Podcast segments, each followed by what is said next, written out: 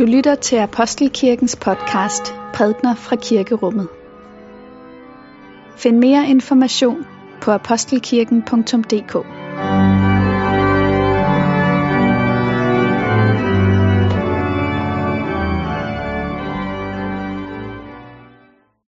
Godmorgen og velmødt til gudstjeneste her i Apostelkirken denne første søndag efter påske.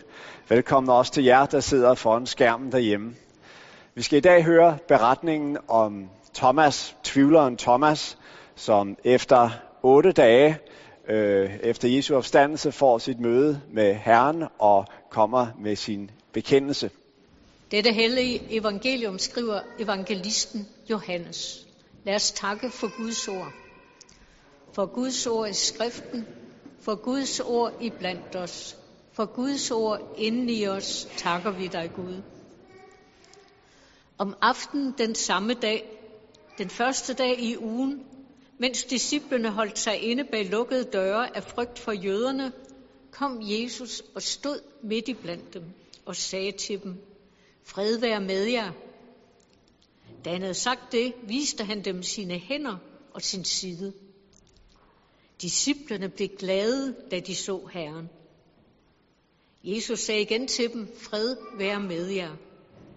Som faren har udsendt mig, sender jeg også jer.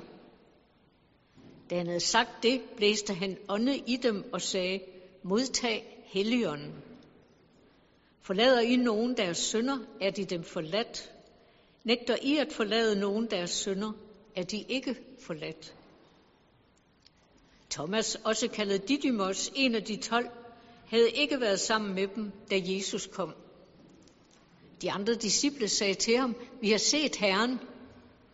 Men Thomas sagde til dem, hvis jeg ikke ser navlemærkerne i hans hænder, og stikker min finger i navlemærkerne og stikker min hånd i hans side, tror jeg det ikke. Otte dage efter var hans disciple atter samlet, og Thomas var sammen med dem. Der kom Jesus, mens dørene var lukkede, og stod midt i blandt dem og sagde, fred være med jer. Derpå sagde han til Thomas, ræk din finger frem, her er mine hænder, og ræk din hånd frem og stik den i min side, og vær ikke vantro, men troende. Thomas svarede, min Herre og min Gud. Jesus sagde til ham, du tror, fordi du har set mig. Salige de, som ikke har set, og dog tror. Må min munds ord og vores hjerters tanker være dig til behag, o Gud. Amen.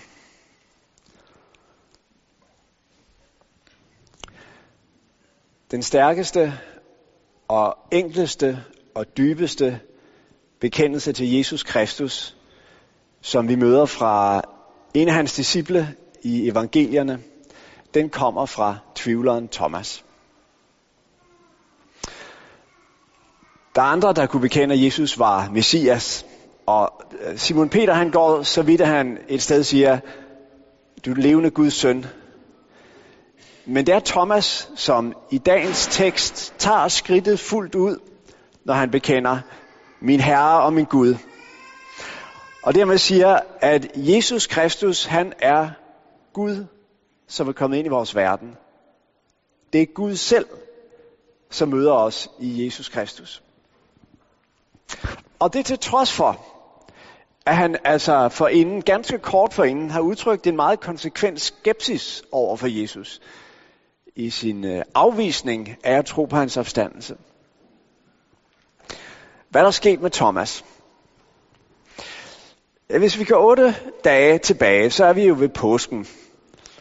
Og Jesus han gav sig jo til kende for sine disciple, eller ti af dem, øh, påskedag. Han viste dem sine sårmærker, og de blev meget glade, står der. Herren er opstanden, jublen bredte sig i disciplenes lejr. Men Thomas var ikke til stede. Disciplene fortæller sig Thomas, hvad de har set, og bekender deres øh, erfaring og deres tro på, at Jesus er opstanden. Og Thomas siger, beklager, jeg kan ikke tro på det. Og læg mærke til, hvad han så videre siger. Hvis ikke jeg stikker min finger i hans sårmærker og min hånd ind i hans side, så kan jeg ikke tro på det. Altså, strengt taget siger Thomas ikke. Gid jeg havde været der dengang. Gid jeg havde set det, I andre havde set, så ville jeg også have troet. Nej, det han siger er sådan set, det som I så dengang er ikke nok for mig. Jeres tro er letkøbt. Den bygger på et forspinkelt grundlag. I er ikke tilstrækkeligt kritiske i jeres tilgang til den her begivenhed. Det er ikke nok at se. I skal føle med jeres fingre. Jeg skal føle med mine fingre, hvis jeg vil tro på det her. Og dermed giver øh, Thomas udtryk for en form for skepsis over for Jesu opstandelse. Det er som om, at han i denne stund melder sig ud af den lovsyngende menighed. Han siger, forklarer mig, jeg, jeg hører ikke til her, jeg kan ikke tage del i det her. Hvorfor kan Thomas ikke det? Hvad er det, han frygter?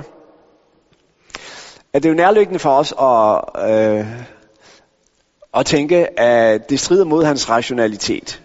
Altså det, det er jo sådan den tradition, vi er opdraget i på vores breddegrader over de sidste par hundrede år, at øh, øh, videnskabelighed osv., den slags sker bare ikke. Øh, der, er ikke der er ikke tilstrækkelig øh, e-, evidens. Men altså, sådan tænkte man jo ikke dengang, og desuden havde Thomas haft masser af eksempler på overnaturlige begivenheder i, i de år, der gik forud for dette øjeblik. Jeg tror ganske enkelt, Thomas han har været bange for selvbedraget. Thomas har ligesom de andre disciple haft et behov for at blive trøstet. Han har investeret hele sit liv i Kristus. Nu ligger det i ruiner. Kristus er død, alting falder sammen. Og selvfølgelig har Thomas, ligesom de andre disciple, et stort behov for, at han skulle leve igen. At det ikke skulle være forgæves alt det her. Men han frygter selvbedraget. Han frygter for at tage et skridt ned af den tillokkende vej, ind i det varme fællesskab, ind i troen igen. Varme omslag, som ligesom kan lindre den smerte, han er i. Og det er den frygt, der får ham til at sige, nej tak, jeg kan ikke være med her. Jeg hører ikke til i den her forsamling. Nå, så går der så otte dage, og nu kan man godt have tænkt, at det, den naturlige konsekvens af Thomas' bemærkninger, det måtte være et brud. Altså, Thomas forlader discipleskarne. Man kan forestille sig, at disciplene ville have sagt til Thomas, kære Thomas, jamen altså, der står du, men altså, vi har fået en opgave, vi skal ud og, og, og forkynde for hele verden. Og det går altså ikke, at der er en i blandt dig, som ikke rigtig tror på det her. Du er ikke med, Thomas. Beklager. Ikke? Eller det kunne være, at Thomas omvendt havde sagt, kære disciple, tak for de tre år, vi har haft sammen. Men altså, jeg, jeg kan ikke se mig selv i det her fællesskab. Der er ikke tilstrækkelig, hvad skal man sige, mod til at stille spørgsmål. Og til at øh, have en åben og skeptisk øh, sind over for de ting, som er sket. Og når der ikke er det, så kan jeg desværre ikke være med her. Så tak for denne gang.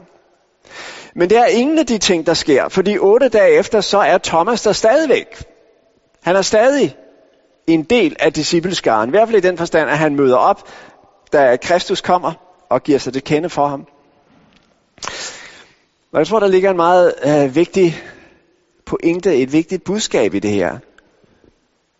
Altså, at den tvivl, som Matra Thomas også kunne rummes i den allerførste menighed.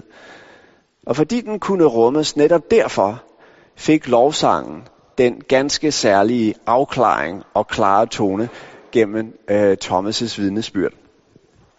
Der er en historie i en af øh, Dostojevskis romaner, Brødrene Karamazov, som handler om en øh, russisk øh, nihilist, altså et menneske som en gudfornægter, et menneske, som ikke tror, der er noget på den anden side af døden. Han dør, og så vågner han op i evigheden. Chokeret. Det havde jeg ikke regnet med. Og så står der, at han bruger den første million år på at stå hen i et hjørne og øh, spekulere over, hvad, hvad det her skal forestille. Det næste milliard år bruger han på at vandre lige så langsomt hen mod himlens port. Da han så kommer derhen og står der, så udbryder han med høj stemme, klarere end alle de andre, som står ved porten, Hosianna, og lovpriser Gud. Han ved knap selv hvordan, Så det, det er den proces, som Thomas gennemgår i, i dagens evangelium. Det er ikke en proces, hvor I han ligesom får trængt øh, tvivlen ned. Det er en proces, hvor han, han, han, han er fuldstændig transparent og åbent omkring sin situation.